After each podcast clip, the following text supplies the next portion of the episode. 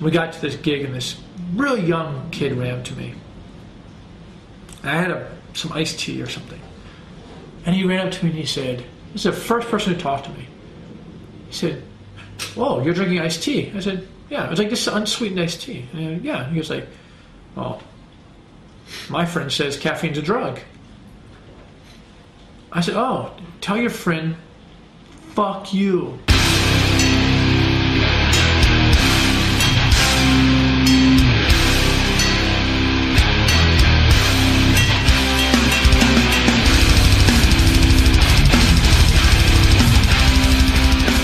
Nere på noll podcast avsnitt 31 kommer till er i det här höstmörkret. Men eh, vi ska försöka lysa upp det lite här. Jag är Robin Lindblad med mina kamrater Daniel Nätterdal och David Olsson. Tjena. Hur eh, står det till idag? Jag har ju precis dimmat ljuset lite i studion för det var för ljust. Ja, vi sitter ju här i nykterhetsrörelsens högborg och ska göra ett avsnitt om straight edge och för andra inspelningstillfället i rad så kommer vi tillbaka från en två dagars bender här.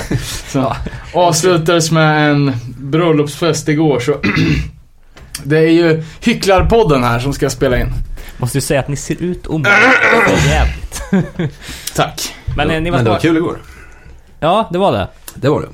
Ni var ju smarta nog att lämna kaffet in hos mig här så jag lär väl bara rabbla ännu fortare ju längre det här avsnittet går men... Hur är läget med, med dig då? Eh, jo men det är bra tack. Eh, har också varit ute och svängt i helgen men... Eh, fan nu är jag mest peppad på, på allt som har hänt sen sist faktiskt. Ett av mina absoluta favoritband har ju annonsat sin reunion. Men det ska vi komma till. Eh, först så tänkte jag gå igenom lite feedback som vi har fått. Vi har ju grävt ner oss i vår mailkorg för en gångs skull. Vi har varit lite dåliga på att kolla den de senaste veckorna. Ja, det blir lite luddigt där när man är tre som delar Ja. på samma brevlåda så vet man inte vad som är läst och, och sådär. Nej, men eh, låt oss börja lite mindre allvarligt här med eh, Micke Lundström som tipsade oss om hashtaggen HXCMosh på Instagram. Har ni kollat in den? Ja, det var faktiskt Nej. riktigt kul. Vad är, vad är det? Folk som eh, ja, morsar till eh, inte helt eh, passande låtar. Alltså allt ifrån themesånget till Power Rangers och eh, jazzmusik eh, visar de upp sina moves. Eh, och, Vadå, då måste man ha klippt, tagit ljud från något annat? Ja men typ. Ja, man får väl lys- lyssna på en jävligt omorsig låt och sen skicka lite. Och gärna offentligt tror jag. Exakt. Eh, och det är väl eh, någonting som vi rekommenderar alla att gå in och kolla. för det var jävligt roligt. Eller var med? Ja, exakt. Det vore kul om vi fick en lite så här Sverige... Sverige-sväng på den där också. Någon kanske kan göra det till podden. Det, det vore ju fantastiskt. det borde ju bli den riktiga HXC Mosh Challenge. Morsa till ner på noll. ja. Uh, sen så, fan det var ju ett tag sedan vi snackade black metal, men uh, vi fick uh, ett långt brev från Staffan Tegnér här angående när black metal blev associerat med naziestetik. Eh, han säger att det kan ju vara värt att nämna att de tidiga banden som inspirerade hela grejen Typ Motorhead, Slayer och Manowar flörtade tidigt med nazistilen. Sen eh, var det ju ba- Bathory som körde hårt på vikingaestetiken, vilket ledde till att många av de norska banden plockade upp det. Quarnton från Bathory var ju förvisso rätt mystisk i sina uttalanden, men har ändå kritiserat black metal-nazismen och sagt If you were living in a Nazi society you couldn't have long hair and play in a metal band. Eh, enligt honom verkade Eh, vikinggrejen handlar mer om fantasy än politik. Dock så skrev han ju en och annan låt om hur europeiska kulturarvet förstöts av kristendomen. Eh, hur som helst, precis som med satanismen så tog ju norrmännen hela grejen väldigt seriöst under tidigt 90-tal och vi vet ju hur det gick. Eh, sen när man pratar om black metal och politik så finns det ju oändligt många bandpersoner att ta upp. Det kan ju vara kul att nämna The Satanic Black Metal Skinheads i kanadensiska bandet Blasphemy. Eller hur Fenris från Darkthrone eh, gick från att spela vit arisk black metal med, med Varg Vikernes till att välja, välja Hårda Tider som Band of the Week. Eh, och spela krust och sjunga I am the working class. Eh, samtidigt så eh, har Varg Vikernes gjort ett eget rollspel och lägger upp Guitar tutorials och konservativa datingtips på YouTube. Gör han det? ja, ja, jag har själv varit inne och kollat men då var det mer eh, att han Fick gick... du någon napp eller? Nej, då var det mer att han gick igenom reglerna till sitt rollspel. Som, Är det dat dataspel eller någon sån bräd? ja, klassiskt eh, Dungeons and Dragons brädspel liksom. Ja, det är smått absurt de här människorna. Han har ju liksom slagit ihjäl folk. Man ska, ska vara såhär superond, men gillar, gillar ja men så Bursum är ju från ett jävla ord från Sagan om ringen liksom. Så det blir såhär paradoxalt. Ja, verkligen. Eh, men det var den feedbacken jag hade. Har ni någonting mer? Du fick ju lite live feedback när du var på banken i veckan, hörde jag. På banken? Nej, på, på mitt jobb menar du? Ja, kanske. ja, kanske. Ja, exakt. Det var en, eh, en lyssnare som jag tyvärr inte kommer ihåg namnet på som kom fram och sa att, eh, att det var en bra podd. Så det var ju kul. Eh, vi har även haft lite folk som har mejlat och sagt uppmuntrande ord, så det tackar vi för. Eh, ja, ska. Ja, jag hade en grej från som vi glömde säga förra veckan. Vi var ju rätt utkörda här efter två timmars intervju och vi var väl lite halv osnärtiga så det glömdes bort lite. Men jag, ha, jag hade ju frågat ut eh, uh, Millencolin-killarna var ute på en Sydamerikasväng och så bad jag om en rolig turnéanekdot. Uh, ja, så eh, de har tydligen haft någon, någon ja men du vet sån här grej som man kan få för sig om man håller på och tjatar om någonting. En mara. Eh, så då har de fastnat för en fras från en Manu Chao-låt. Uh, som slutar med, ja, ursäkta min spanska, men Ultima Roya, tror jag man säger. Mhm. Roja. Ja, eller? Det är inte två LJ. Eh, rolla, Ultima Rolla i alla fall. Eh, och sen då Brasilien var portugisiska, ah, spanska portugisiska ganska likt, vi kör på det. Så höll de på att tjata om det hela tiden. Eh, och eh, de fick för sig att det här skulle betyda eh, sista myntet. Eh, och de hade visst sagt det på, scener, på scen då och då och eh, eh, Ja, men någonting som de bara höll på och, och drog hela tiden när de tackade publiken och sånt där. Sen efter ett, ett par dagar så frågade den brasilianska promotorn så här, varför, varför säger ni Ultima Rolla hela tiden? Och då visade det sig att det betyder stor kuk. Så de har alltid avslutat gigsen med, med Nu tar vi den sista stora kuken helt random på scen. Sen visade det sig att Manu Chao-låten eh, betyder sista handen. Eh, och då hade det kanske passat lite bättre. Ja, faktiskt. Ja. Så man får, man får hålla sig eh, ajour med, eh, med svordomarna i de landen man reser till, helt enkelt. Det är väldigt spännande med Sydamerika också måste jag säga. Jag har kollat ganska mycket YouTube-klipp på Satanic Surfers som är där nu och spelar. Alltså det är helt galna jävla spelningar de gör alltså. Det är hur mycket folk som helst. Och det är liksom... Går jävligt vilt till. Minst sagt. Ja, och de där Millencolin-spelningarna hade ju varit eh, superlyckade. Det var jävligt feta eh, YouTube-videos på det här som har skymtat. Så det verkar ju vara det stället man ska åka till om det går. Ja. Eh, och på, på Brasilien så tipsade ju Winnie om det var ju för en 24 avsnitt sen ungefär. Eh, om eh, skateproffset, eh, det brasilianska skateproffset David Gonzales, att han var ett thrashband som tydligen är jävligt bra, som heter Rat Black. Ja, fan. Har du hunnit lyssna eller? Nej, eller också gjorde vi det då, sen har jag glömt bort det sen dess. Men eh, ja, jag litar på, på, på Winnies ord och David Gonzales kan ju leverera skate-tricks, han borde kunna leverera ett riff också. Ja, verkligen. Vi borde ju lägga upp det på vår playlist om inte annat. För det här avsnittet. Eh, ja, jag härjar lite om att jag hade ett av mina favoritband som har reunionat, eller i alla fall annonsat någonting. Det är alltså imorgon som Set Your Goals kommer att... Eh, Jag trodde bandet var ett Ja, black trodde- metal band som hette, va?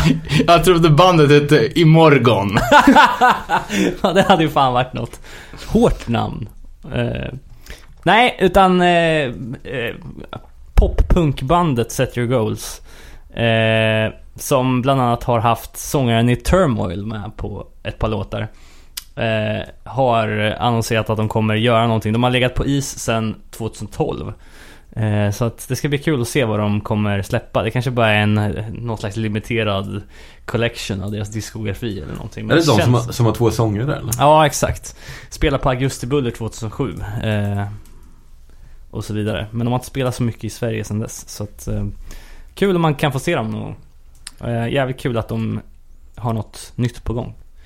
För det är jävligt bra. Eh, Svårt att åldras bra i pop-punk känns det. Ja, eh, det har du nog en poäng i. Dock har ju många andra band lyckats göra det så att, ja vi får se.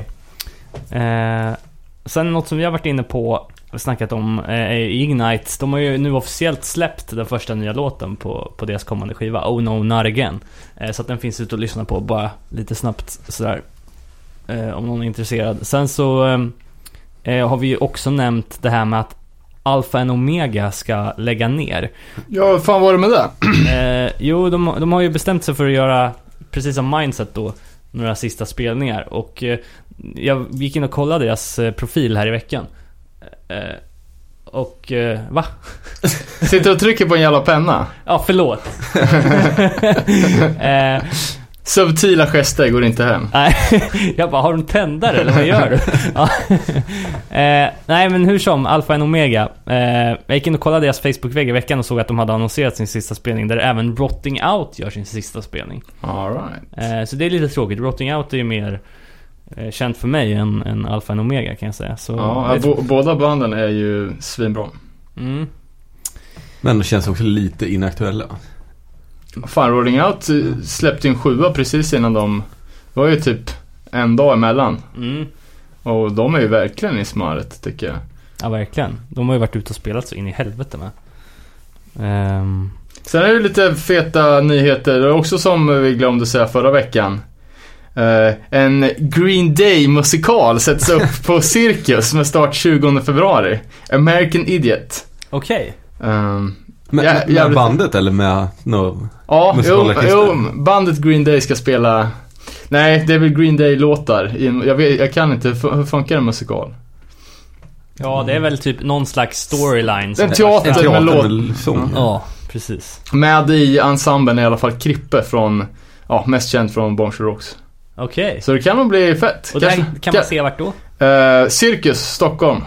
Häftigt. Kanske man ska klippa sin första musikal. Ja, det kan ju inte vara helt... Helt pjåkigt. Ehm, ja, men grymt. Finns Green Day fortfarande? Ja, det gör de väl. Jag tycker jag ser dem eh, lite då och då. Flimra förbi i flödena, men ja.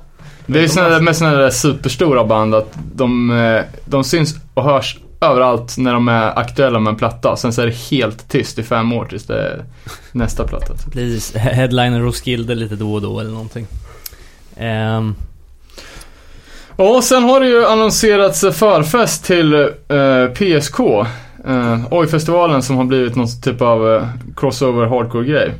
Uh, Slapshot, Violent Reaction och Urban Savage. det är en jävligt stabil lineup. Stabil line Ja, det kommer nog bli jävligt fett. Är det här 2016 eller? Ja, det är ju i påskveckan. Okej. Helgen där. Okej. Eh, Jag har köpt biljett till både förfest och eh, festivalen så jag hoppas att ni gör det också innan Ja. det blir slutsålt. För fan, det måste vi göra. Så det kan bli, eh, det kommer bli en eh, jävligt härjig spelning kan jag nästan lova. Andra blänkare från veckan är ju nytt med Rival Mob. En låt som heter Speak With Power som är ute. Är väl eh, en försmak av ett kommande tape eller någonting. Coolt. Visst var det en kassett ja? Ja. Så någon bild på. Jag tror det. Eh, sen så... eh, För att vara inne lite på... Vi är i december nu. Jag har börjat rota lite i vilka potentiella låtar jag kan kuppa in på mitt företags officiella julplaylist. Hela onkelplattan Ja, väl bra. Utan att riskera nuvarande arbete så tog jag mig in på Bad Religions Christmas Songs. eh, The Vandals Oi to the World. Ja, den plattan är svinbra ju. Eh, Fear, ett gammalt punkband från LA, har släppt någon eh, Fuck Christmas från 82. Som kanske kan... Eh, och sen eh, sist men inte minst då bandet The Angry Snowmans från Kanada. Det är någon slags punkrock men... Finns ju att välja på liksom. Ja, det finns ju förvånansvärt, alltså göra en julskiva är ju fan det värsta man kan göra. Då är det bättre att köra en Vit Makt temaalbum än att göra en julplatta, ta fan.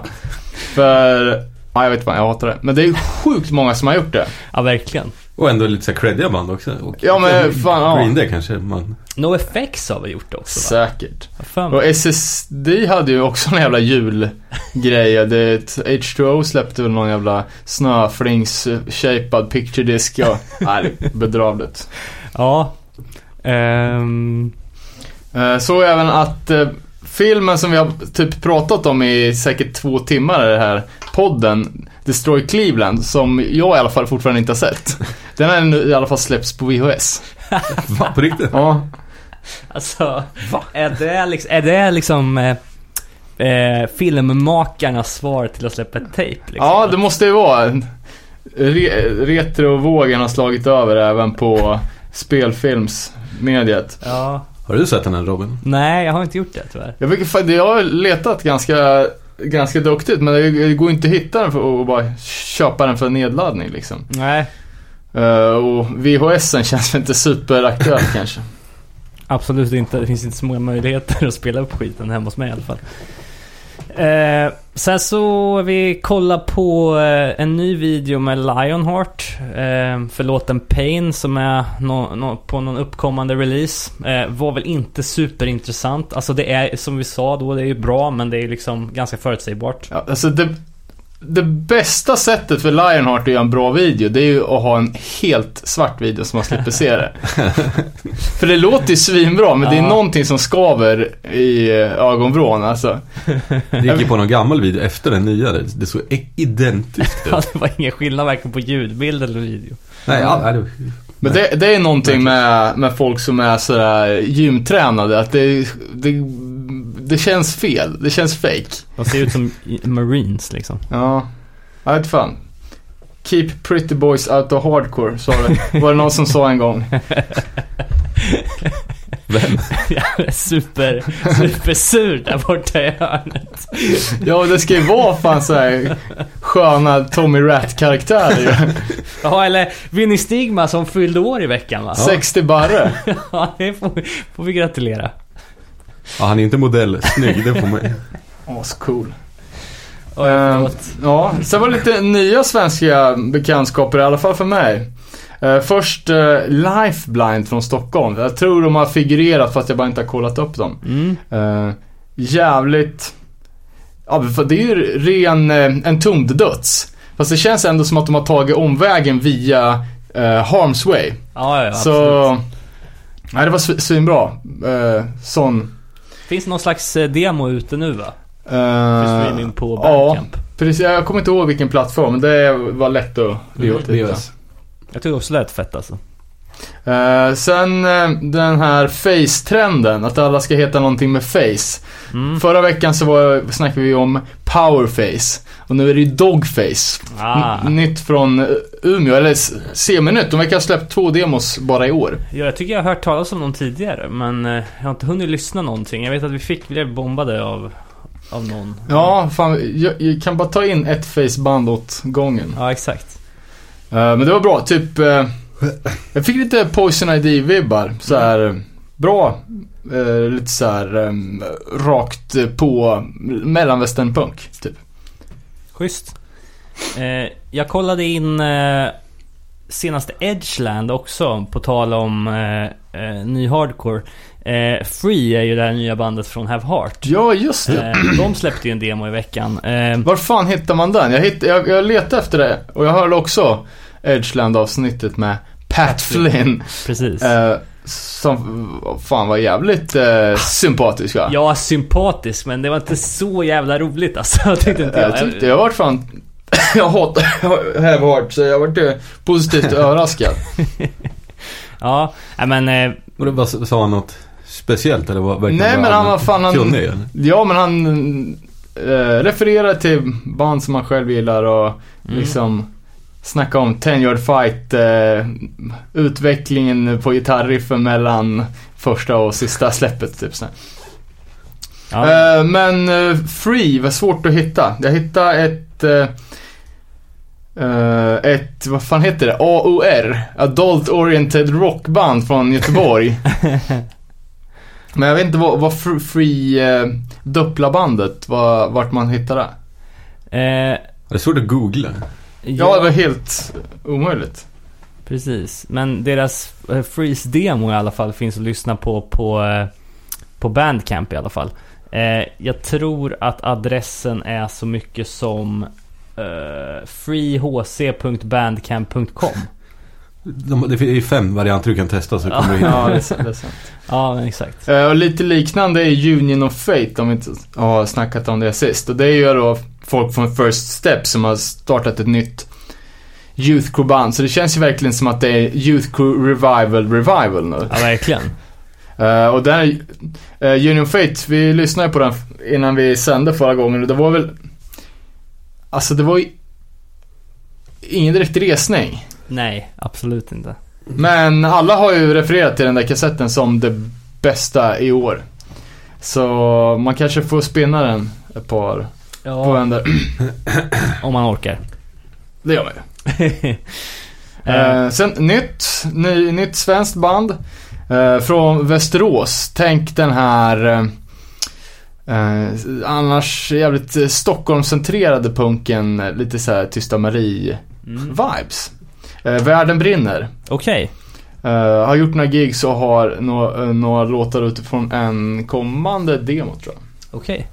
Det, är det bra eller? Ja, jag, jag, tror det kan, jag tror det kan bli nice. Du har inte hört den? Eh, jag, det, det finns två låtar ute, men jag kommer inte ihåg heller vilken plattform. Du, du såg hur han dodgade den frågan helt och hållet. Nej, jag, jag, jag har, har både hört och sett. Finns även eh, klipp från gig. Ja, coolt. Eh, sen tror jag en ny diskografi på gång med United Mutation som är DC-band. Eh, gammalt från tidigt 80-tal. Eh, som kan vara värt att, checka upp. Den första sjuan var ju eh, jävligt fet när, ah, när, när, det- när det begav sig. Mm. Mycket tempo. Yes, jag skulle också nämna eh, om eh, ett av mina favoritband. Eh, kanske inte jättemycket HC, men eh, The Ghost Inside. Eh, som var med i, om en bilolycka för någon vecka sedan. Där eh, deras chaufför och eh, motsatt, motsatt chaufför omkom. Och alla i bandet hamnar på sjukhus. Alla klarar sig, men flera av dem kan inte gå. Och ja, de kommer behöva många års rehabilitering. Så att, har de haft någon beef med terror? Jävligt tråkigt. Eh, för dem och för oss som gillar deras musik. Ja, beefen med Terror har vi snackat om tidigare tror jag. Att, eh, att Scott Vogel har varit uppe och vevat på scen gällande sångaren i Ghost Inside som är jävligt legit snubbe. Mm, vill jag säga. Jag har träffat honom ett par gånger. Eh, och ja, eh, bara konstigt. Eh, jag tror att det Scott Vogel var irriterad på var typ att eh, Ghost Inside har blivit så stora eller någonting. Eh, Ja, för jag såg att han hade lagt upp någon bild om den där bilolyckan. Ja, okej. Och tyckte att det var bra. Nej, Nej, fy fan. nej, det, nej det gjorde han inte. Det var någon så här. Vi har haft våra duster men det här önskar ingen, typ. Nej, just det. Nej, så Ja, att... ja, tråkigt. det får- det är helvete vad vi sitter och harklar oss. Eh, det hände lite andra tragedier här också eh, på Black Friday. Det är väl 29 november. Eh, Skeletons. Eh, en ny coverplatta, Glenn Danzig släpptes. Är det bedrövligt? eh, ja, coverplattor är ju i princip det sämsta man kan släppa. Det är totalt eh, värdelöst. Men det här har fan... Vad är värst, jul eller coverskivor? Ja, julskivor är nog, är nog värre. Men eh, det är så jävla dumt. Eh, det är bara att pissa sig själv rakt i ansiktet tycker jag. Eh, Kan vi spela Va, va, vad är det covers på nu? Eh, ja, vad jag tänkte vi skulle lyssna på nu är ju den här låten NIB, klassiska Sabbath-låten. Men det är så här amerikanska rockgubbar typ.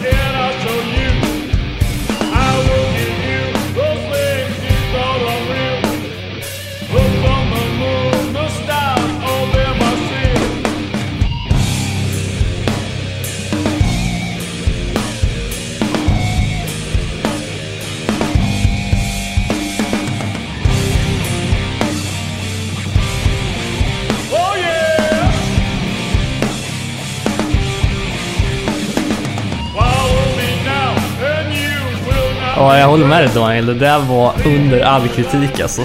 Snedträff va? Ja, det är så jävla dumt för att v- ex- Exakt, varför? För det är okej om man var helt uträknad som band och eh, inte kunna komma på något bättre. Men den förra eh, Danzig-plattan eh, var ju svinbra. Ja, den fick väl ganska high praise liksom. Ja, jag tror det. Eh, men alltså, just den här låten är ju ett sånt jävla lågvattenmärke som...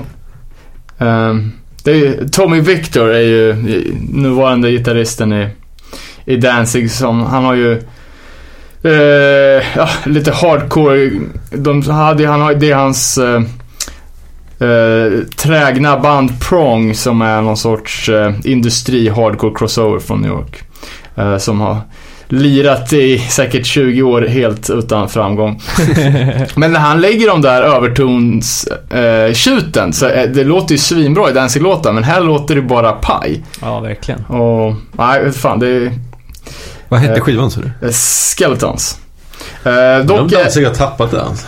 ja, det är ju annonserat en ny, eh, eh, nytt studioalbum tidigt 16 så man får hoppas att de Men hur jävla produktiv är han egentligen? Alltså, Det är inte jävla svårt att göra en coverskiva som låter sådär. Sagt, han lägger ju ingen tid på gymmet nu så han har han ju mycket skrivartid. Det var Ja. kul, eh, våran vän Lill-Danne berättade för mig att de hade åkt till USA för att se Danzig. Så hade de fått prata med honom efteråt, hade han typ sagt bara yeah, we, vi åkte hela vägen från Sverige för att se det. Han bara yeah, that's nothing. I, I once flew to Australia to play. va? Alltså, Jävla konstigt. ja, verkligen. Ehm, ja, men eh, vad, vad är det mer för låtar på den där skivan då, förutom Sabbath? Eh, jag kommer inte ihåg så här på, på rak banan, men Okej. det var inga direkta låtar som man kände igen, i alla fall inte jag.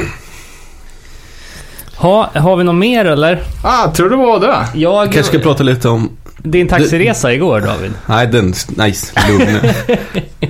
Eh, att du och jag var och såg Viagra Boys i fredags. Ja, just det. Det var jävligt fett. Ja, vart var, vart var det någonstans? Eh, det var på Satin. Okej. Um, ja, ja, fan det är jävligt intressant Märkligt men bra. Ja, för ja, de som inte har hört det så är det ju det är ju jävligt, jävligt lågt tempo. Det måste ju vara så här 50 BPM knappt det. Eh, långsamt som fan och sen som liksom... Syntar och saxofon. Ja. Okej. Uh, liksom så här eh, sagoberättarsång. Ja, typ. Eh, och sen med sådär, ja men eh, som jag beskrev det första gången vi pratade om det, så att så, så här kaossax, liksom att det kommer in någon helt jävla disharmonisk saxofonslinga mitt i, mitt i låtarna. Eh, så jag tänkte bara, fan det här är helt unikt, det är ju så jävla nyskapande. Och sen kommer man på själv att inget är ju unikt. De här måste jag rippa det från någonting. Mm. Så då började jag bara diskutera lite. Så- Men tydligen så är det krautrock. Känner ni till det här begreppet? Nej, jag har för mig att... Eh, Kraut är inte tyskt. tyskt liksom. Jo, Kolrock. ja men precis. Kraut är ju ett, eh, det är ett eh, nedsättande ord eh, mot tyskar. Ja, alltså motsvarigheten till n-word liksom. Och eh, det var ju en rörelse i 70-tal, eller vad fan, typ efterkrigstiden i Tyskland. Eh, Så det var, de är ju jävla experimentella musiker, jävligt eh, duktiga musiker som flummar ut. Och de har också eh, eh, det här jävla monotona, att det är en låt är fem minuter med bara en basgång som går och sen så, ja, ah, vet fan. Ja, Så det var krautrock-punk helt enkelt. Spännande. Viagra Boys. Så var det Det heavy, ju heavy, krautpunk ju. ja. Eh, heavy Makeup från Göteborg som också kör långsamt som jag tycker är jävligt nice. Uh, köpte kassett som jag spisat ett par varv redan så eh, det kan jag rekommendera. Ja, coolt.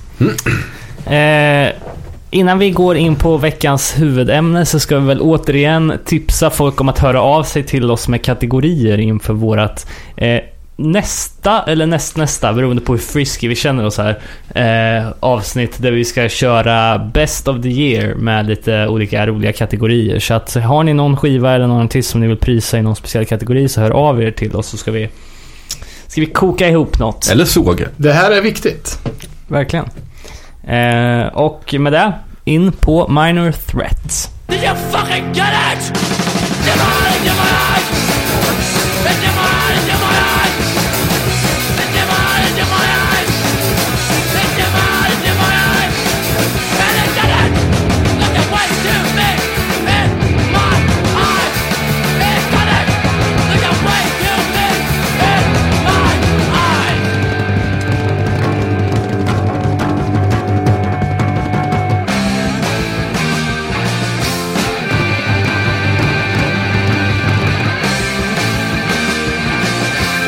Ja, idag ska vi prata om bandet Minor Threat och eh, Teen Idols och lite annat smått och gott från Washington DC-scenen som, man säga, formade en hel våg av punk och hardcore eh, på slutet av 70, början av 80-talet. Där eh, Minor Threat och eh, Ian Mackay går i fronttåget. Heter han Ian Mackay? Eller heter han Ian Stopp, McKee? stopp och belägg nu. Eh, det är ju, det har man ju märkt, det är inte bara vi och eh, folk i Sverige som har svårt att uttala hans namn. Även uh, den här eh, intervjun som han gjorde inför kongressbiblioteket, då vart han ju också annonserad med fel namn. Eh, Så jag har tagit fram en liten guide här när det ska uttalas. Perfekt. Det är inte Ajan som är aj, det är ont. Utan det är i, Ian, som i eh, samma uttal som på den här ledsna åsnan Ior. Just det. Ian? Ian. Eh, och det är inte eh, McKay eh, som Jerry är i Poison ID. Och det är inte eh, McKey som i key, nyckel. Utan det är McEye som i öga. Ian McEye. Ian Mackay. Okej. Vad var det? Så, Ian tillbaka, så, så tillbaks till Ian Mackay. eh, så Minor Threat, egentligen så kom väl de från deras första band, vad säger man, Teen Idols eller Teen Idols? Det är väl lite samma... samma Det sa du sa, exakt samma. Jag, jag har ju alltid trott att de hette, liksom att det skulle vara ideals som är tonårsideal. Typ Men det är ju idols. typ någon typ av ordvits. Det är teen idols som är tonårsidoler, fast stavningen är idols som är typ lat, värdelös. Ah, okej. Eh, men för att, Som må- är tidigare med Göteborgs humor också.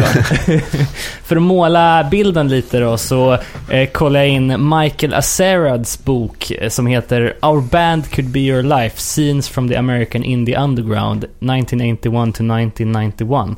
Eh, där det finns ett helt kapitel om Minor Threat. Och där beskriver han lite eh, upptakten till Minor Threat i och med Teen Idols sista spelning. Eh, han skriver så här att eh, The Teen Idols spelade sin sista spelning den 6 november 1980 där de öppnade för eh, Jefferson Airplane-basisten Jack Cassidys nya band. Eh, det var ett väldigt speciellt event eftersom det inte bara var Teen Idols sista spelning, de hade också drivit en väldigt hård agenda för att det här skulle vara en all ages-spelning. Eh, och Washington på den tiden var en stat som förbjöd minderåriga att gå in på barer och, och, eh, och gå på spelningar där det serverades alkohol. Eh, men det fanns också en annan lag i Washington på den här tiden som sa att alla klubbar som eh, sålde alkohol måste också sälja mat.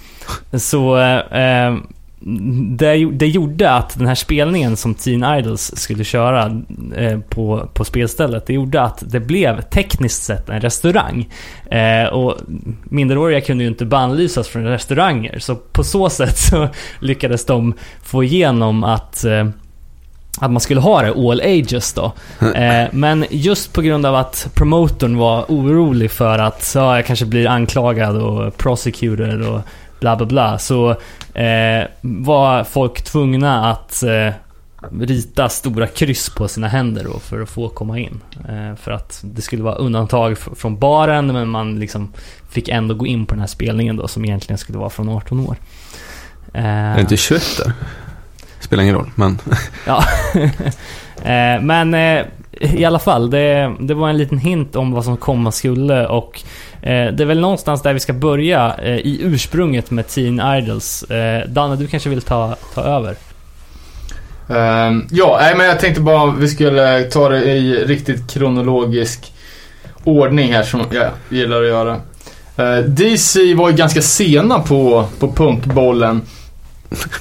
Eh, första, eh, de, bland de första banden i alla fall som spelade punk i, i eh, Washington DC var ju Slicky Boys. Men det var mer såhär Beach Boys eh, typ slash punkband. Inte riktigt, inte riktigt renodlad punk.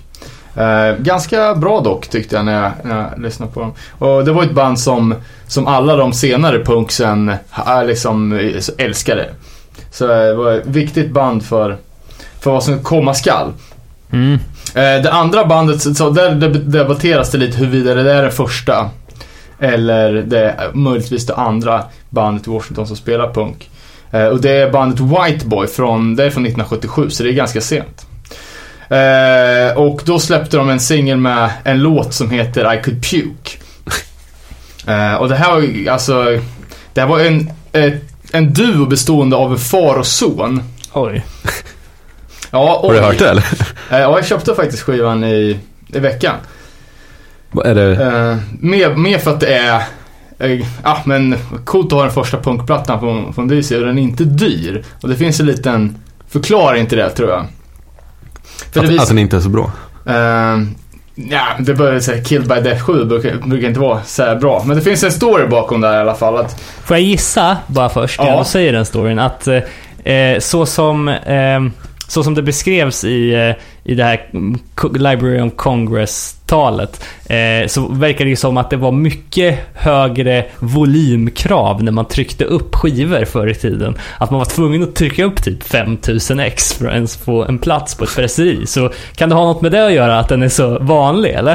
eh, nej, första pressen finns ute i 1000x. Men jag tror att det är nog inte så många som är intresserade av att repressa den här. Eh, för farsan i bandet eh, åkte dit på 700 år i fängelse på det värsta child molesting, child porn Oh, fy fan. brottet i Washington DCs historia. Oh jävlar. Eh, så det fanns ju ett klart mörker i den, i den konstellationen. Minst sagt. Eh, och uh, lillebrorsan i den här familjen gick i samma klass som Ian. Och det var han som fick in honom på punk. Jaha. Och eh, gav, sålde honom hans första punkskivor. Eh, och i slutet på 1979 så gick ju... Eh, fan hette de nu då? Eh, vad som i alla fall komma skall eh, bli Bad Brains. Eh, de, var, de startade som ett jazz fusion band från början och lirade eh, under, kan man heta typ Soul Power eller någonting sånt där. Okej. Men eh, 1979 så spelade de ju in eh, Pay to Come som alltså satte blå tryckskopian på vad som, vad som skulle bli den nya standarden på hardcore. Liksom. Mm. Eh, och det var väl också lite där som eh, de lokala punksen började fatta att liksom punken var död, nu är det hardcore som gäller. Eh, ett annat band också som är värt att nämna från den här tiden är Black Market Baby som, som är ett mer renodlat punkband som eh, har funnits sedan 1980 som är jävligt, jävligt eh, bra och inflytelserika. Ja, Teen Idols då som, är, som räknas som för, förgrunden till, till My Threat. Och det är ju egentligen bara trummisen Jeff Nelson som är original, eller som är samma uppsättning som My Threat. Ja, okej. Eh, men Ian MacKay eh, spelar bas i Teen Idols så han var drivande i bandet och han skrev mycket låtarna. Det är liksom hans... Han släppte väl skivan också? eh, ja, precis. Men det var ju inte förrän efter att bandet var dött och begravt. Ja, exakt. Det... Så då, det började som sli- slinkies, alltså som den här fjä- fjäderleksaken som kan gå ner för trappor. Ja. Eh, hette de ett litet tag. De hade, de hade bara ett gig. Eh, de skulle spela på en privat fest och när morsan i familjen hade blåst av den här festen så skrev Ian MacKay ett brev till den här mamman. Eh, och eh, förklarade för dem att ni kan inte blåsa av festen för det här kan sabba vår karriär. Men bandet Slinkies bytte, bytte sångare.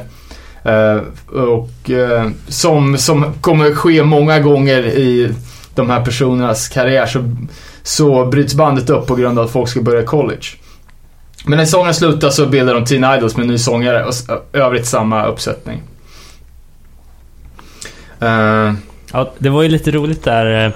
eh, De beskrev, de gjorde sin första icke-Washington-spelning. Mm. När de bara dansade ner till LA med sex pers i en minibuss i fem dagar liksom. eh, Där både Ian och Henry Rollins var med som Brody och, och de fick typ 15 dollar totalt eller någonting för, för de spelningarna. ja. Det måste vara jättelångt ju. Ja, det känns som det. Men samtidigt så... Eh, det var väl värt det, för det var en jävla punkscen där verkar det som. Och de hamnar ju på spelningar med Dead Kennedys och ja, vilka fan det nu med. ja, faktum att de inte gjorde inte det. De var ju bokade till, till spelning med, med bland annat Dead Kennedys, men fick inte spela. Ja, just det. Vad Så de fick spela dagen efter på New Wave-afton. Men det var ju faktiskt nere i San Francisco som eh, de kom i kontakt med den här exa upp händerna-grejen. Eh, För det var ju på ett ställe som hette... eh, Vad fan hette den då? Ja, typ Malibu Club eller någonting sånt där. Så hade de det som, som standard redan att eh, eh, folk som inte fick handla i baren blev uppexade. Ja, okej. Och då tog de med sig X-idén tillbaka till, till Washington. Just det. Eller de, till, till DC. just det. Eh, Men det var inte bara X-konceptet de tog med sig utan också den här själva alltså hardcore-stilen som, som, som eh, LA-folket hade. Då, LA var ju först, först på bollen. Med chain belt och de körde ju mycket med så här straps och bandanas på bootsen och ja, precis som man för de som har den här eh, Bad Religion-samlingen 80-85.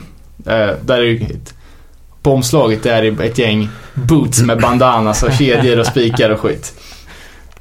Eh, och så med liksom långa armjackor och och eh, ja, typ det, det konceptet. Det, det kommer ju de tillbaka med till, till DC efter den här den här två, dag, två gigs-touren eh, då. Eh, ja, och sen så harvar de på Uh, spela in en demo och det är två uh, Två låtar som inte kom med på sjuan. Uh, men på På demon så hör man ganska tydligt att eh, Att det är mer punk. De har liksom inte kommit på hela hardcore Alltså Det är inte riktigt samma tempo, det är inte samma fury liksom. Eh, och demon har ju släppts nu som vinyl, eller det var ett tag sedan, när, när Discord, skivbolaget, gjorde sin hundrade release. Då släpptes eh, Teen Idols demon på, på vinyl. Eh, alla de här grejerna som eh, som man förknippar med den, den allra första DC Hardcore-vågen liksom. Det, det var ju som en jävla sommarvind borta. det, är. Eh, det gick jävligt snabbt i alla fall. Ja, Och folk säger ju liksom att, eh, ja men du vet, det, det, det går så fort nu. Liksom samhället är så upptempo och, eh, och sådär. Eh, men om man tänker att, eh, ja, men för, första Ramones 7 det var ju liksom, det är proto-punk. Det, det var ju inte, det fanns inte, punkbegreppet fanns ju inte ens. Eh, och den är från 76. Och vi kan liksom för, ja, för att helgardera så kan vi säga då från 75 att första punkfröna då som är, eh, ja, eh, folk debatterar ju om eh, punkfrön ända tillbaka till 60-talet. Men Ja, låt oss säga från 75 att de första fröna på det som skulle bli punk till 1977 när det slog igenom. Ehm, och sen då 1980 när hardcore, alltså när, när punken var död och ersatt med hardcore. Det är fem år. Ehm, det är fem jävligt händelserika. Ja, men så f- fem år från att det inte var någonting till att det blev någonting och till att det dog. Så om man tar det i, liksom i modern tid, det så skulle vara som att det absolut första fröet till punk kom samtidigt som Terror, Keepers of the Faith kom. Och hela skiten var borta nu. Ja. Det är lite så om man ska jämföra med en modern kontext så känns det som att dubsteppen kom väl runt 2010 och det har man ju inte hört mycket av senaste året. Nej, men, men dubstep är ju skit. Det här är ju viktiga grejer. Eh, ja. Nej, som sagt, och... eh, eh, de, de hittade punken typ 79 och var trötta på den redan 1980 ungefär. Eh, och eh, Eh, de banden som fanns då, det var T- Tin Idols och uh, eh, Imekais brorsa Alex. Han hade ett band som hette Untouchables. Som, uh, som också var jävligt tidiga och även då eh, uh, SOA som, som vi har nämnt då. Henry Garfield som han hette på den tiden som kom att bli Henry Rollins. Det var liksom den första generationen av hardcore i, i DC. Uh, och de kom från ett, ett område som hette, som hette Georgetown. eh, som var ett lite finare område. Nej, inte hela Washington rätt rikt. Ja, jag har alltid uppfattat det så, men kanske inte. Ja. Typ, alla jobbar för staten typ. Jo, jo men precis. Eh, så det här var väl ännu då finare, finare av de, de fina kanske. Vad, vad vet jag. Mm. Men ja, också att de gamla punksen tyck, tyckte att de här var några jävla eh, nykomlingar liksom. Och att de var Georgetown punks som var som en, något så här, eh, motsägelse liksom. Men att de... Lidingö-punkarna. Ja men Lidingö-punkare liksom. Att de... Eh, eh, att de tog det och gjorde det till sin grej och reppade Georgetown punks istället för att... Eh, istället för att men liksom skämmas för det. Vad heter det Blood for Blood är ifrån? Men det heter Charlestown kanske. Inte jätterelevant, men fortsätt. Eh, nej men eh, bandet la ner, någon, någon skulle börja på college som, som vanligt. Eh, och eh, planerna på, på ett nytt band hade, hade redan tagit form när, när Teen sen lades på hylla. Och efter att, att bandet lades ner så släpptes det också eh, deras, deras låtar på på en sjua som idag är en eh, legendarisk punkplatta. Är den dyr den? Original? Eh, Det finns två pressar, 1000 ex styck och jag tror de är uppe på en 8000 spänn kanske. I hyggligt. Det finns ju, det var en rolig historia där. De hann ju lägga ner innan de gick in i studion för att spela in den sista. Ja, de hade inte ens spelat in den alltså. Nej, de, eh, de tog ju alla pengar som, som blev över från, från de gigsen som de hade gjort fram tills dess. Ah, ja, för, ja, jag har också hör, hört det, men jag trodde att det var bara för att finansiera, men då...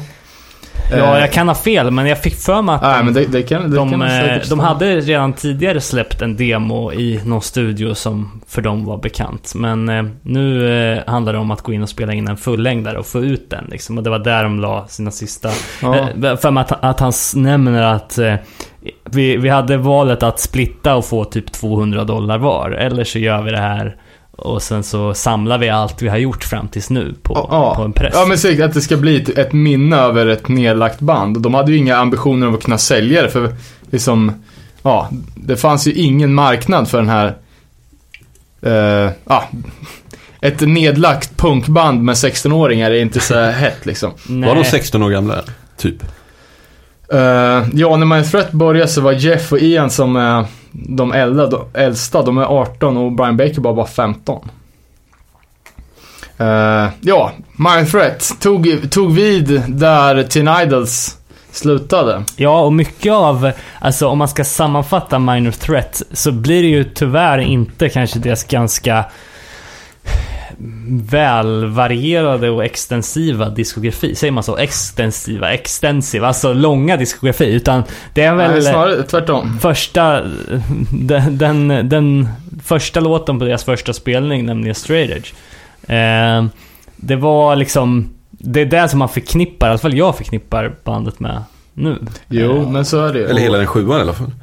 Men My Threat har ju gått till, till liksom, ja, de har ju gått till musikhistorien, men framförallt till punkhistorien liksom som ett av de absolut största banden. Jag har eh, varit och kikat runt lite på så här vad, vad, vad olika tyckare har utnämnt liksom till, till de absolut viktigaste punkbanden och det är ju Dead Kennedys, Black Flag, Bad Brains, Misfits och My Threat. Det är ganska Eh, ja, det är av omröstningar och vad folk, liksom experterna har sagt.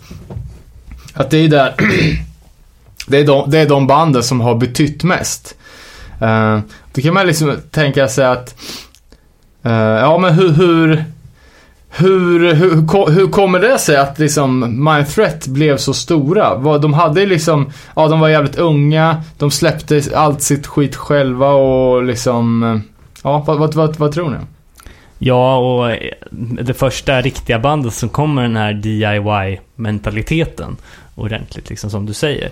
Och sen eh, mycket kan man ju säga om hur de var då jämfört med vad som hände sen. Det var ju först efter några år efter de hade lagt ner som, som det verkligen lossnade liksom, för dem. Och det blev mer av en kultstatus liksom. Och samma sak med hela grejen med straight edge. Eh, eh, grejen som kom ur Minor Threat liksom. Att Ja. det, var ju, det fanns ju aldrig någon direkt tanke hos dem själva att, att inspirera till någonting sånt här. Men det kom ju att bli så stort så att bandet kom att liksom ännu mer eh, cementeras som ett eh, legendariskt band liksom. Ja. Nej, för om, man- om man jämför med, du sa att uh, Mind Threat har en extensiv eh, diskografi, Ja. så de har ju bara gjort eh, det är på Complete Discography så är det 26 låtar, sen hade de två spår med på eh, på Discord 20 års eh, kompen. Ja, det jag försökte säga var väl att de har gjort mer än låten Straight Edge. Eh, jag förstår. Men om man jämför dem mot de andra som också klassades som de mest inflytelserika. Som har gjort hur mycket som helst. Eh, ja, jag räknar efter. Bad Brains, om man räknar bort live och skivor med samma låtar så har Bad Brains gjort nio fullängdsalbum. Eh, Black Flag har gjort sex. Misfits 100. Ja, åtta stycken fick jag det till. Eh, och eh, Dead Kennedys, om man räknar med eh, In God We Trust, vilket jag tycker man kan räkna som en fullängdare, så har de gjort fem. Och Mind Threat då har gjort 26 låtar som klockar in på under timmen. Men faktum är att det också finns en helt osläppt låt som vi har nosat djupt i arkiven på. Ja, exakt. Den låten heter så mycket som... You betrayed me, me by growing up. ja, exakt. Eh, och det är väl egentligen ett fan som har spelat in den här låten. Eh, På sin iPhone. Ja, på någon form av porta. Eh, men eh, varning för dålig kvalitet, men vi, vi spinnar.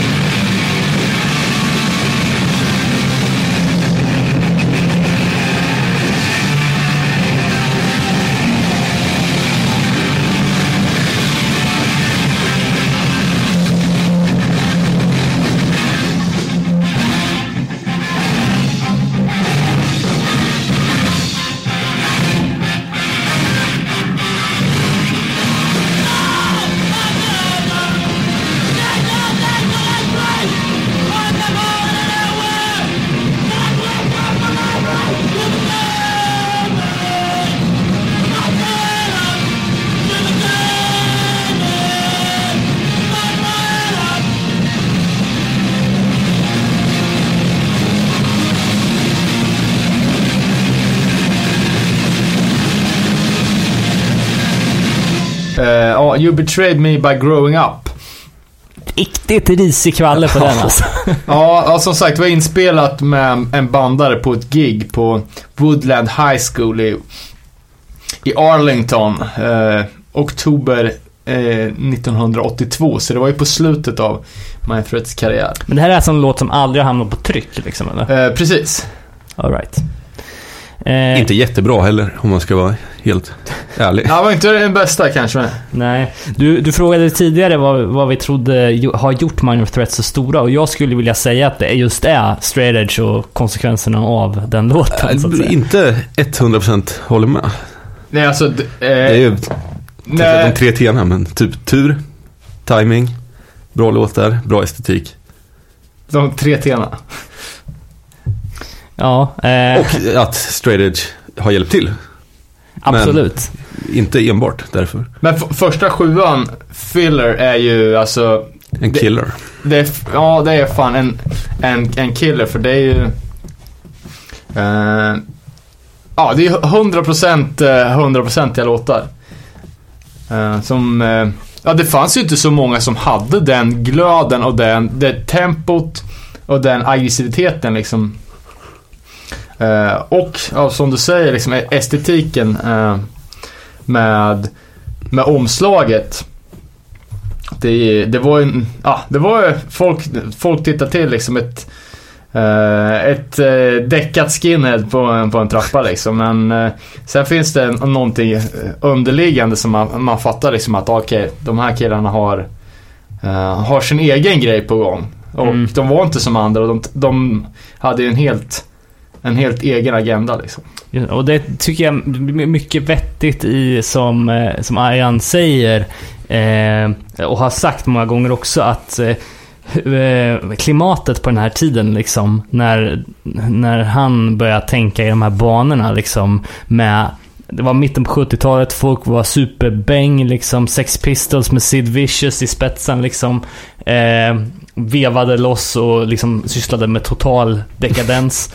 Eh, och jag menar, eh, ja, det var liksom eh, det som på något sätt fick honom att helt säga nej till, till allt det här som, som en act of rebellion liksom. Ja, exakt. Det var, det var ju inget, eh, ingen hälsogrej, utan det var ju liksom avståndstagandet från de andra. Det var ju det som var det viktiga. Precis. Att in, inte haka på, utan att eh, ja, gö, göra sin, sin egen grej och, och bara skärma av.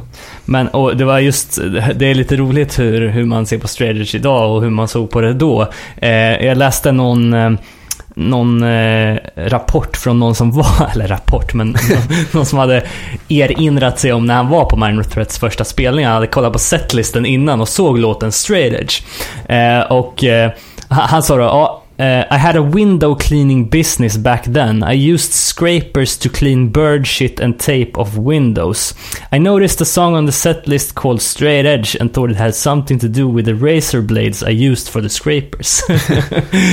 Så det var lite annorlunda uppfattning då. Men, men det här, eh, vad ska man säga?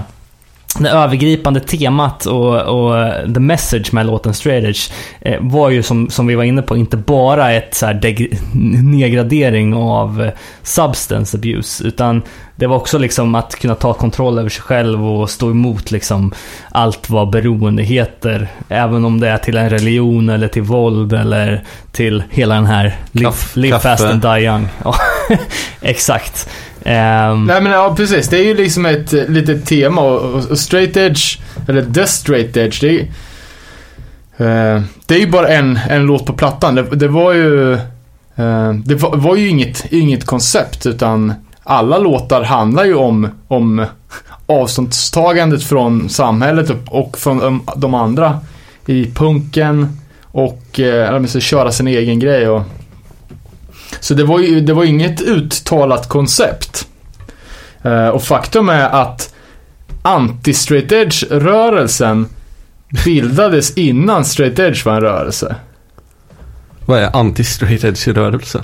Nej, för eh, på en av de tidigare My Threat-turnéerna eh, så mötte bandet upp med några locals, jag kommer inte ihåg i vilken stad det var. Och då sa de bara Ja, ah, we're the anti-straight edge movement. Så bara, straight edge movement? De hade liksom inte ens... Eh, ja, straight edge var bara ett, eh, det var bara eh, titeln på, på en låt. Det var så de levde, men det var, det var inget mer med det liksom. Det var ingen, eh, ingen regelbok och inget, eh, ingen organisation. Så anti-straight edge fanns före straight edge. Men det, det, det tog ju inte lång tid efter att de hade spelat den här låten för liksom hela budskapet att sprida sig. Eh, jag vet Seven Seconds var ju ganska tidiga med liksom hela den här melodiösa, positiv PMO-hardcoren, liksom ofta med straight edge. Eh, straight edge texter och även SSD Control hade väl redan typ 81 eller någonting etablerat någon slags Ja, ja, ja visst. Boston, liksom. Ja, så det, det, gick ju, det gick ju fort. Men vi snackade ju om att punken kom och dog på fem år. Mm. Eh, och jag menar, även eh, fast Minor Threat bara höll i till 83, så eh, bara ett par år senare så kom det en andra generationens Straders band med Youth of Today i spetsen. Och liksom Ja. fortsatte. Ja men exakt, ja, rebirth på, på tre år. Tänkte, Ja. nu, nu tänker man ju, om man snackar om gigs som man tänkte var i våras, det är ju tre år sedan. ja. Men faktum är att eh, när, eh, när, när Teen Idols eh, var på väg att försvinna så, så, så var ju tanken att eh, det nya bandet skulle heta Straight Edge. Eh, sen blev det Mind Threat istället och Straight Edge vart en låttitel. Tur att de gick den vägen annars.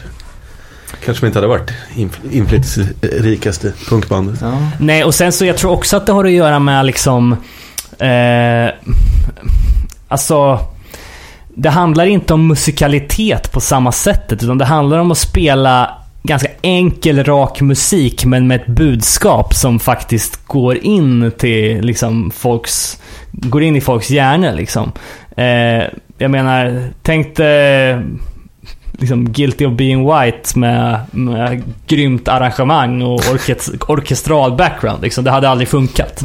Utan det är ju liksom... Ja. Nej, men, Det är känsla, en teknik. Ja. Det är hela... Och så ja, budskapet för att just den här grejen var ju helt... Eh, det var ju, det var något nytt Mm. faktiskt. Eh, och tanken var ju att eh, låten skrevs ju redan för Teen Idols men eh, blev aldrig inspelad. Ja, just det.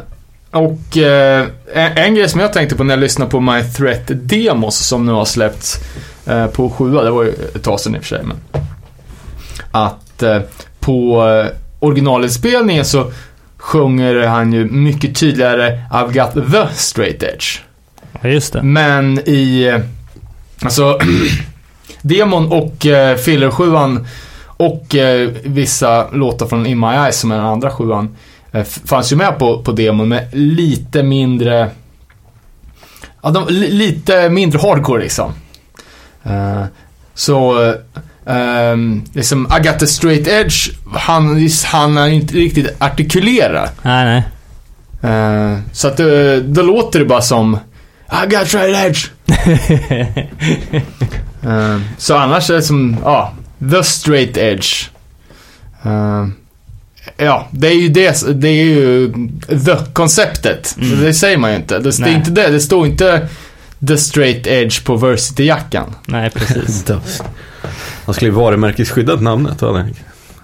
Jag tänkte... Cashing in, så att säga. Jag tänkte bara bryta in lite snabbt här med, eh, alltså just för att spegla lite hur, hur Minor Threat har gjort avtryck från de la ner tills idag. Så inte minst eh, alla olika band som har gjort covers på deras låtar. I alla olika genrer också. Ah, kul. Eh, bara några exempel. Beastie Boys har ju gjort eh, Screaming at the Wall. Eh, av Minor Threat. Eh, AFI har gjort på No Reason. Eh, Sick of It All såklart. Slayer, Guilty of Being White. Eh, och eh, ja, ett gäng antal band till som Rage Against the Machine och NoFX.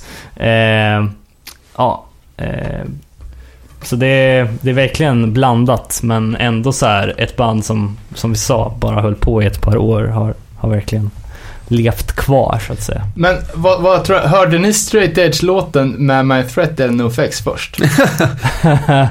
ja, det måste nog fan varit NoFX tror jag. jag, vet, ja, jag vet inte. Nej. Jag vet inte när den kom ut dock. Eh, Men jag vet ju att jag lyssnar ju på NoFX bra mycket tidigare när jag började lyssna på Minor Threat. Ja, det är en samvetsfråga. Jag, jag, är, jag, jag är kluven. Jag, jag vet inte. Jag var, My Threat var ju en av de, de första hardcore core banden som jag lyssnade på. Men andra sidan lyssnade jag på skatepunk innan jag lyssnade på mer hardcore hardcore. Ja, jo men exakt. Eh, Ett annat band som vi snackade om det med Slayer som för övrigt spelade i Sverige igår. Ja, just det. Eh, Guilty of being white-låten är också en av de låtarna som är mest omtalade.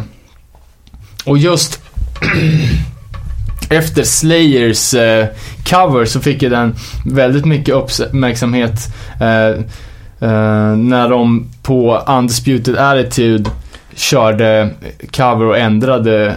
Till, till Right? Ja. Eh, och Ä- Ändra vad? Guilty of being right. Guilty of being right. Jag, jag har inte riktigt fattat det för att...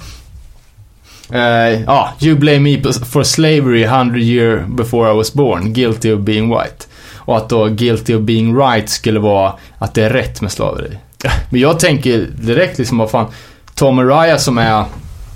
Som är latino, han kanske inte känner sig bekväm med att sjunga Guilty of being white om han inte känner sig vit. Nej. Eller som han bara, Brown Pride liksom. Så att det är bara en sån grej. Och det är ju, eh, ja, det var väldigt många som, som anklagar Slayer för att, för att vara rasistiska. Jaha, okej. Och de har ju en extremt nazistisk estetik. Alltså de är skojar du, Fy fan de, de önskar ju att de var nazister, men jag tror inte att de är det. Nej, det är väldigt mycket 1945 över deras estetik. Och alltså. den låten handlar ju också om, eh, har man ju hört på, på många ställen, liksom om att eh, Ian var i, i minoritet. Att eleverna på hans skola var, ju- de flesta var svarta och att, att han upplevde liksom rasism eh, mot sig och att det var en antirasistisk låt skriven ur den, den verkligheten som han levde i.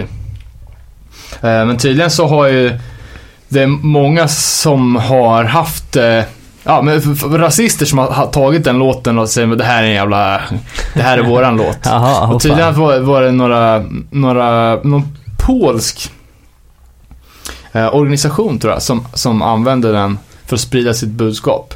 Eh, han nämner, Ian- nämner det i en intervju men jag kunde inte hitta liksom vad, eh, vilka de här Polish guys var. Ja, ja, spännande. Eh, Jaha, eh, har vi något mer? Jag kan tänka liksom det här, vi har ju pratat om hardcore-begreppet också. Mm. För, ja, de var inte bara först med, med straight edge utan de säger i, i intervju så säger de att de använder begreppet och kallar sig själva hardcore innan DOA eh, släppte eh, släppte eh, Hardcore 81 då som kom ut eh, någon gång i, fan vad det är nu då? Ja, den kom, den kom väl ut på, på innan 81 antar jag. Men faktum är att både Teen Idols, den släpptes ju, sjuan släpptes redan 1980. Eh, SOA släpptes i mars. Eh, Government Issue som är eh, fjärde släppet på... Eh, nej, fan det är sjätte släppet på, på eh, Mind Threats eh, bolag Discord Records. Det var också innan, innan DOA-plattan kom ut. Eh, Så det finns viss, viss eh, möjlighet att de, hela den scenen använder sig av den termen. Ja, precis. Eh, Men vi känner ju alla till den, klassiska affischen från eh, Spring Trash heter spelningen, men eh, det här där det står Har DC Core i ett Mm. upp och nervänt kors. alltså en superlegendarisk spelningsaffisch. Men det, det giget var i alla fall 30 ap- april 1982, så det var ju faktiskt efter att DOAs hade, hade släppt den här skivan. Just det. Och eh, Discord Records är väl fortfarande i, i, igång och ger ut skivor va, eller? Ja, tyvärr, för det är bara skit. Vad är det de har gett ut den senaste tiden? Typ Dagnasty och grejer va, eller? Ja, Dag Men de släpper väl skivor? Dag Nasty kom väl fortfarande? 86, Ja. så det, det var... Nej, jag vet inte, alltså. Jag tycker vi ska hålla oss ifrån den här postpunk-grejen. Ja, okej. Det får bli Och ett det- eget avsnitt. Ja, dels för att jag inte kan något om det, men det är inte så mycket tycker jag, hänga i julgran. Men man måste väl ändå se, omnämna Discord Records liksom som ett influentiellt bolag liksom i samma, samma Ja, jag- andetag som Minor Threat liksom. För det finns ju en Absolut. close connection där liksom. Ja, jag tänker bara typ det, det de pysslar med på... Eh, alltså nu för tiden. Ja. Eh, de har ju gett ut eh, och gjorde nu alldeles nyligen Youth Brigade. Eh, DC-bandet, inte de från LA. Eh, deras demo kom ut på en reissue. Ja. Och de har redan gjort eh, SOA då.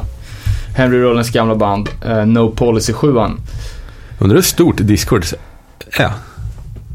Ja, vad de har ju anställda. Man, man såg ju ändå dokumentären. Har de verkligen det? Ja, det tror jag. Han, det såg ut som han gjorde allting hemifrån. ja. Han bott i samma hus och hade allt. Där. Nej men han, han säger i någon intervju att jag har, jag har tre hus. Eh, full med, alla är fulla med prylar och ett är Discord house. eh, Jag tror, tror ni han tjänar bra pengar på det? nej, det tror jag inte. Eh, Discords bildades ju av eh, Ian MacKay, Jeff Nelson och eh, sångaren från Youth Brigade. Eh, som, som ja, efter att Teen Idols hade skramlat ihop sina besparingar, släppt en sjua så så la Henry Garfield, Rollins eh, finansierade ba- bandsläpp med, med, med SOA då, som han betalade själv och gav ut under etiketten Discord. Och sen började det rulla på. Eh, det första, första svängen är ju 6-7 som alla är super, superlegendariska. Eh, och då hade det ju bildats en, liksom en, en DC hardcore-scen. Det fanns, fanns massor med band liksom. Och, eh, bolaget fanns ju till en, enkom för att eh, supporta scenen och eh, släppa plattor med, med kompisars band. okej.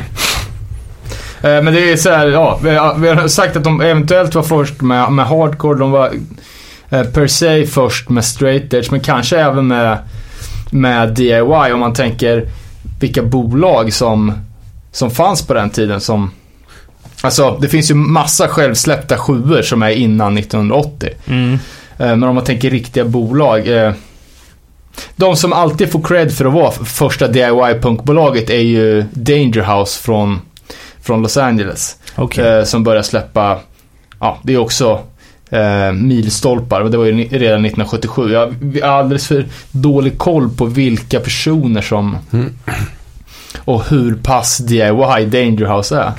Eh, men om man jämför med eh, de klassiska hardcore-bolagen från första generationen så är det Touch and Go som drog igång 1981. Och sen Alternative Tentacles, det är ju Yellow Biafras bolag.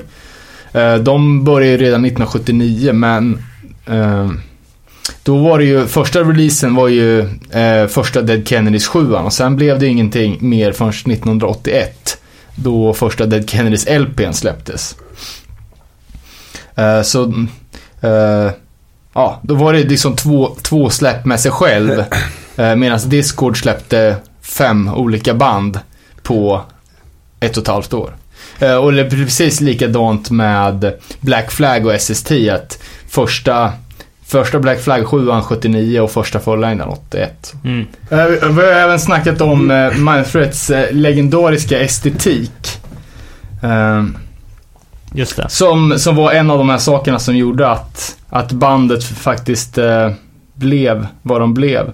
Eh, och eh, kul liten detalj är ju att eh, Discord, ja, ah, första, slä, första släppet var ju, var ju då Teen Idols 7 eh, Och att eh, när de skickade in sketcher, ritningarna till, till presseriet Eh, och det här var ju cut and paste liksom, kli- klippa och klistra. Och det finns ännu tidigare en blyertsteckning på idéer. Som finns i en bok som heter, vad fan heter den? Eh, som du har David. Uh, Visual någonting. Visual någonting av American Hardcore. När man ser en blyertsteckning som ser ut som en, alltså som ett litet barn har gjort. Med, uh, ja, tidig sketch på på första Minth- eller på, på Teen Idols 7 eh, Och även sketcher finns det på eh, My Threat fåren som vi vill upp på vår Facebook. Eh, några förslag på hur fåret som kom att eh, bli omslaget till, till första fullinern sen. Det är ju så jävla ful snyggt. Ja, man, man eh, har ju... Det ser ju bra ut, men det är ju exakt, rätt Man har accepterat det, att det är, det är så det är, men om man tittar nära på det så ser det ut som skit. Men Och vad, vad jag skulle säga var i alla fall att det här presseriet och de ringde upp Jeff Nelson och frågade om det var ett skämt. om det här verkligen var artworken till deras platta de skulle, de skulle släppa. Men de, det visade sig, sig vara rätt. Och det är många, väldigt, väldigt många som har eh, ja, rakt av rippat Minor Threat. Eller liksom, eh, jag kan ju inte säga något band i princip som inte har gjort en, ett specialomslag som är rakt avtaget från en... Det finns nog några sådana får tatuerade över världen också. Ja, Ja, och sen eh, är det ju också så att eh, vissa företag har gett sig på Minor Threats artwork och försökt kapa det. Inte minst Nike som, Asså. som försökte sno det här fåret. Eh, Nej, fåret, nej, det, eller det kanske de också gjort. Men Nike lanserar ju en Major Threat-kampanj när de marknadsför när de börjar sälja skate-dojor. Ja, just det. Så var det ja. Eh, och det är ju alltså omslag på första sjuan som har eh, som har också gjorts, jag menar vi gjorde ju en, en retroaktiv rip-off på den när vi satt här i trappen. Eh, när vi egentligen eh, gjorde en eh, Cheap shots. Cheap Shots Ja rip-off. precis. Ja, precis. Som i sin- sin tur är en rip-off Mind Threat. Och jag menar en av den moderna punkens mest, ah, största plattor, Outcome the Wolves med Rancid, är ju också en rip-off på det omslaget. Just det. Och sen även eh, något eh, Brooklyn-baserat hot sauce-företag som eh, snodde eh, omslaget till eh, Bottled Violence.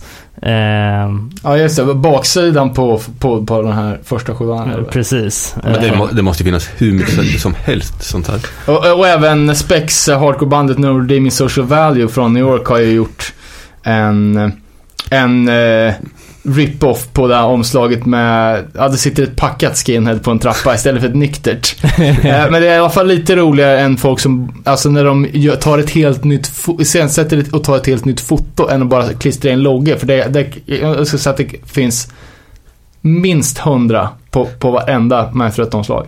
ah, för inte, inte In My Eyes i och för sig, för det är ett livefoto. Men det, ja, att ha den t-shirten känns ju populärt även. Ja, Det är ett enkelt sätt att visa att man har lite smak till. Det är väl lite som eh, Black Flag. Ja, exakt. Det, var- det, kändisar kan ju ha det liksom. eh, men det är en sak om ett hardcoreband gör det som en tribute, men det blir lite dålig smak när, när ja, sådana som Nike gör eh, ja men liksom att de bara ska sko sig på, på någonting och eh, inte känner sig, alltså med sin mångmiljardomsättning kan betala ut en liten royalty till, till någon, eller ens bry sig om att fråga. Men, Ja, men vart det det- någon stämning eller? Nej, jag tror folk börjar gnälla och eh, det blev ingen... Mindthreat hörde inte av sig, eller Discord hörde inte av sig. Men att de drog kampanjen för att de fick för mycket skit. Men det är lite skillnad också om man plankar jämfört med om man gör en tribute som i det här hot sauce-företagets fall där det mer var en tribute till Bottled Violence. Och där blev det också så att, att efter eh, de hade smakat på den här hot saucen så, så approvade de ju det. Eh, Ian. Ian. Eh, Igen. Så Ja. Så även att eh, Red Bull har en serie med surffilmer som heter Mindthreat. Eh, så det är bara de här värsta jävla eh, ja, ultrakapitalistföretagen som, som verkar eh, ja, servera sig själva på andras kredibilitet. mm, Eh, även Capita Snowboards har en tävlingsserie som heter Mindthreat. Eh, och och eh, det är ju lite mer av band som, eh, som gör sig lustiga på, men eh, Autostep-plattan då. Med fåret finns det en hel del varianter på och ofta från band som har den motsatta eh, meningen på, med, med sina texter. Eh, till exempel bandet Mouth Breeders som har eh, Out of Breath. Eh, ja, som... Eh, Hur har de ritat den? Ja men det, eh, fan kommer inte ihåg hur det ser ut men fåret är ju nerrökt med någon stor jävla bång. Eh, och bandet Satanic Threat hade ju en, men såhär djävulsget istället för ett får som gick bärsärk i fårskocken och... Och såg även något eh, poppunkband som hette Jasper som hade Out of Drugs. De också hade någon, ja, såhär rip-off-låt. Tror du någon kommer på det bara, jag har en så jävla rolig idé. Ja, exakt. Någon, vänta nu, det här, så kul är det inte. Det är ungefär på den nivån som vi brukar ha våra lustiga grejer. Eh, ja, sen någonting som, eh, som ligger mig, mig väldigt varmt om hjärtat eh, och som intresserar kanske 10% av podcastens lyssnare och ointresserar övriga är ju pressningsinformationen som jag hade förberett och dra i detalj här på samtliga Uh, samtliga Mindthreat-skivor, men jag tänkte jag kanske kan bara ta några, några highlights. Ehm, ja, en, det här är, tycker jag är ändå en allmänbildningsfråga. Eh, I vilken ordning är omslagen på första sjuan filler? Alltså, alla omslag har en färg. Första, andra, tredje, fjärde press. Det här måste man kunna. Grön först. Eh, det är röd, gul, Men vadå? grön, Får inte blå. jag gissa eller?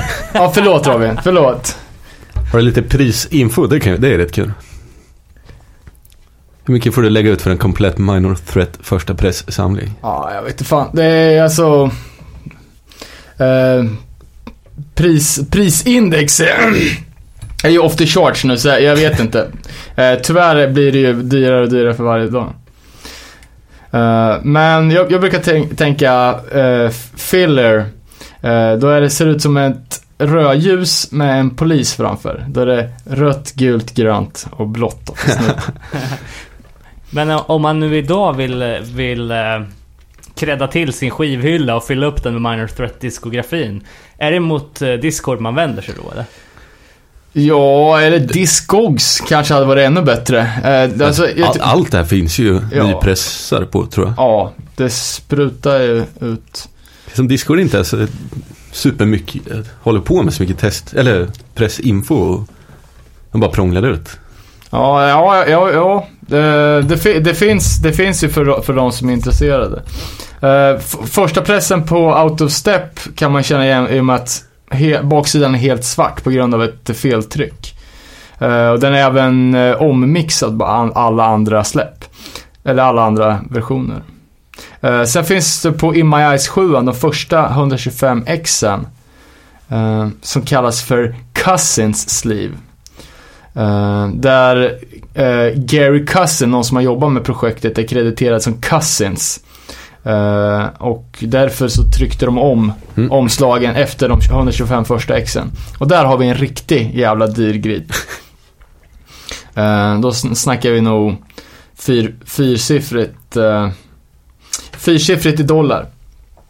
Eh, och eh, en annan grej som jag, ty- som jag tycker är cool, som absolut inte är dyr, det är ju um, tredje pressen på, på Autostep.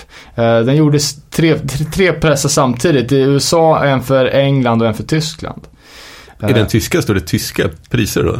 Ja, och det, låttitlarna står på tyska. Va? Ja, Det är ju lite innovativt. ja så jag, jag kan lägga upp ett foto på det, det är ganska kul. Eh, den tyska pressen har en grön eh, Banner. banner i överkant. Den engelska har röd och den amerikanska har blå. Eh, alla därefter har så här aqua blå typ. Ehm, ja, vad har vi mer? Ja, jag har inte så mycket mer. Jag har sagt det jag har att säga. Ehm, kan du ta lite om, eh, om skateboard också? Ja, Eh, just det. Precis. Han blev... eh, Förlåt att jag avbryter bara, men det var väl så att han blev skatare någon gång innan de formade Teen Idols? Ja, alltså bandet, både Manfred och, och band innan det, det har ju varit väldigt förknippad med skate. Och framförallt för att de uttalar, alltså säger Eh, de, de pratar väldigt mycket om skater. och de säger att det, är liksom, det är det de gör och att det har gett dem en helt ny liksom, sätt att se på världen och att eh, att när man en gång har börjat åka skateboard så kan man aldrig titta på, på ett landskap. Det var ju helt sjukt. Jag såg i den där föreläsningen från Public Library Public Congress, vad fan det var. Han har ju dock en Eh, poäng, det är ju så. Ja men så här, äh, det var nästan så att han beskrev att han hade X-ray vision. Bara, men du ser den där kurben som någonting som du måste åka över. Jag ser någonting som jag kan grinda på. liksom, ja okej. Undrar, finns det något footage på när han skater? Ja, för grejen är ju att... Eh, ska försöka ta det här i, i rätt ordning. Men det finns, det finns footage på dem. Eh, eh, Flipsides scene slash magazine eh, släppte en video eh, med mestadels live eh, klipp med, med band då. Och eh, där Manfred är med. Och där finns det eh, ett eh, segment där de skatar banks på en skolgård. Han kan skata. Ja, alltså man får tänka att det här är ju tidigt 80. Folk var inte så jävla bra, men de kör ju med slidehandskar och svänger i banks. Eh, men faktum är att det har ju, de har ju ifrågasatts hu- huruvida de var riktiga skatare och eh, varje gång det här kommer på tapeten så det är nästan det första de säger är att bara, vi, vi är skater men vi är inget bra. Eh, så att I så fall är alla skatare. Ja men precis. För eh, det var så att eh, Brian Brannon från, eh, från JFA, som faktiskt var professionell skater och spelade i ett hardcoreband. Ehm, jag vet inte om det här var någon typ av lackning eller om det var en, bara en kompis peppar varandra grej. Men han utlöste en, en tävling mellan band, så skaterockband, eh, som hade sin logga på en bräda. Vilket Manfred och många till, där till hade. Eh, och då liksom skicka, skicka den här inbjudan då till bland annat Manfred. Eh, lite för att hänga ut dem kanske då att de eh, eh, poserar med skates. Jag menar på Salad Days eh, sista sjuan så sitter de ju med, med brädor på trappan och Ja. Ehm, ja, det fanns ju Manfred brädor i, i var och varannan skatebutik. Och det har även publicerats eh, fejkade bilder, eller eh, bilder där de fejkar trick. Jaha. Det är fan conspiracy theory. Did Men- Ian McKay do a kickflip on the moon? Ja, kickflip fanns ju inte på den tiden, så det var, det är, Men dök de upp på skatetävlingen? nej jag tror inte det. Men de fick väl då lägga, lägga sig till med att alltid säga att de inte var något bra. Allt för att komma undan den där potentiella förnedringen av att delta i den där skatetävlingen. Ja, precis. Eh, och sen apropå inte, inte vara något bra. Jag som inte är så bra på att lyssna. Eh, ja, jag gick igenom eh, diskografin här för att ja, men, hålla sig ajour med alla låtar. Jag menar, det var roligt. Jag som inte är så bra att lyssna, jag satte mig ner och lyssnade. Förlåt. Eh, ja, det, det, det, det, kom- det kommer en poäng. Nej, men lyssna igenom alltså, fan My Threat, det är sånt där band som man har lyssnat så jävla mycket på så man inte lyssnar på dem längre. Ja, ja, absolut. Jag tänkte nu ska man ändå sitta här och eh, försöka komma på saker att säga om dem är säkert en god jävla stund. Så då kan det vara bra att veta vad de pratar om. Eh, och lyssna på den här Flex Your Head-samlingen som är eh, Det är ju ett väldigt fint eh, dokument av de första DC hardcore-banden som Discord släppte med. Med alla de bästa och en del okända som också är jävligt coola. Men då har de ju låten 12XU som även finns med på på den här Complete Discography-sedeln som, som finns i alla punkares hem, hoppas jag. Och Den låten har man ju hört tusen gånger. Och jag, jag kan sjunga den, sjunga den utan till liksom, ja, den är inte så lång, men det är liksom Try to be a man, refuse to be a man. Try to be a man, refuse to be a man, try to be a man, refuse to be a man. Go to college, go to college, go to college. Uh, och sen så, vet fan, så hamnar jag på någon sorts jävla text, eh, ja, jag fick se texten. Jag först såg att det var en cover från, eh, från ett engelskt band som tydligen var jävligt stora, som heter Wire. Jaha. Och eh, jag har ju haft lite fel här med den här texten, för texten går I saw you in the mag kissing a man. I saw you in the mag smoking a, a fag. I've got you in the corner, I got you in the corner. Och du trodde han sjöng Go to College? Ja, alltså, jag, jag, jag hade hela konceptet, alltså innebörden. Liksom, try to be a man, refuse to be a man. Hur han slåss med den här förvirringen liksom. Ah. Att han, ja, fan liksom. De hyllade ju verkligen ungdomen. Bara så teen idols och minor threat och, ja. You betrayed me my growing up, liksom, det var ju hela bandets legacy var ju en hyllning till ungdomen. Så jag såg ju framför mig liksom, try to be man, refuse to be man. Eh, och sen när jag spann vidare lite på det där liksom hur, ja, eh, det har debatterats flitigt huruvida den här låten handlar om homosexualitet och eh, eh, ja, för originallåten då eh, med Wire kommer från plattan Pink Flag. Eh, som bara är, det är en flaggstång med en hissad rosa flagga och det är ju en, en gay-symbol om något. Och så liksom Soy in the Mag, Kissing a Man. eh, och, och Smoking a Fag som, ja, som alla vet är eh, cigg på, på brittiska men hur, hur det då Eh, kanske kunde vara en omskrivning för oral sex och folk tog ställning till, är det här en pro-gay-låt, är det en anti-gay-låt?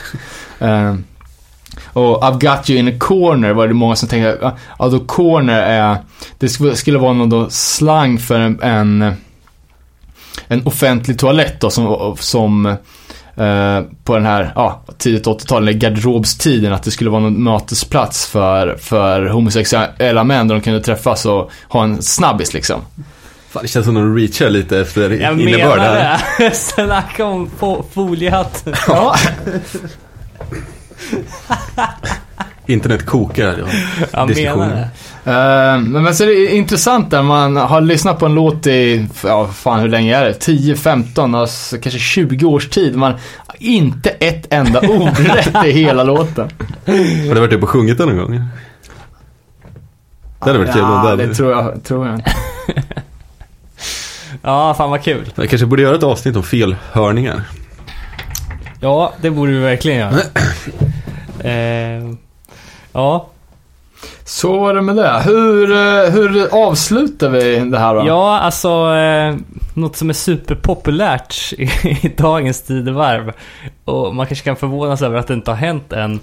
Först man hör det jag ska berätta här strax. Men reunions är ju jävligt populärt. Men det kommer ju aldrig bli någon sån med Minor Threat kan jag säga. För när Brian Baker i en intervju säger på frågan Kommer det någonsin bli en reunion? No, that would ruin it, I think. Minor Threat was a product of its time and we aren't minors anymore and we certainly aren't threatening. uh, Minor Threat wasn't very popular until the years after we broke up, so I just don't see any reason to tarnish the idea that people have developed over the years about a band they never saw. Alltså, jag ser ju en poäng att göra det i. De lär ju få rätt bra betalt. Ja, Ja, verkligen. vad fan, han, Brian Baker spelar med eh, Mind Threat. Vad säger ni? Han spelar med Barry Lydian. Han har nog hyggligt gage ändå. Verkligen. Jag tycker det Nej, all heder att de inte gör det. det är, Ja. Eh, och just med den här...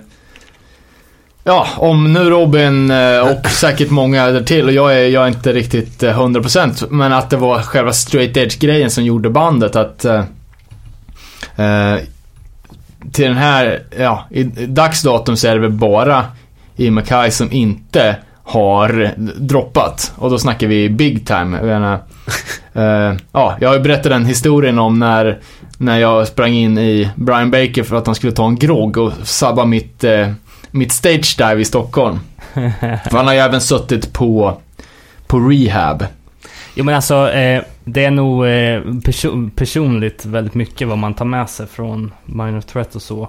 Eh, men eh, på det stora hela så skulle jag säga att det som gjorde dem ur ett större perspektiv, det är också det här liksom som vi har snackat om att eh, det musikaliska var en mindre del. Att få ut sitt meddelande och hitta en plattform där man så högt som möjligt skulle få folk att fatta vad låtarna handlade om och eh, att det rent musikaliskt inte var så avancerat. Det är väl snarare det liksom. Det har ju verkligen gett upphov till någonting som vi ser än idag med liksom snabba hardcoreband som har något att säga och inte som har bara... att säga men kanske inte är världens eh, Mike Portnoy liksom. jag. Men sen tycker jag också att eh, Brian Baker sa en ganska rolig grej. Att, för han har ju nu re-edgat här på gamla dagar.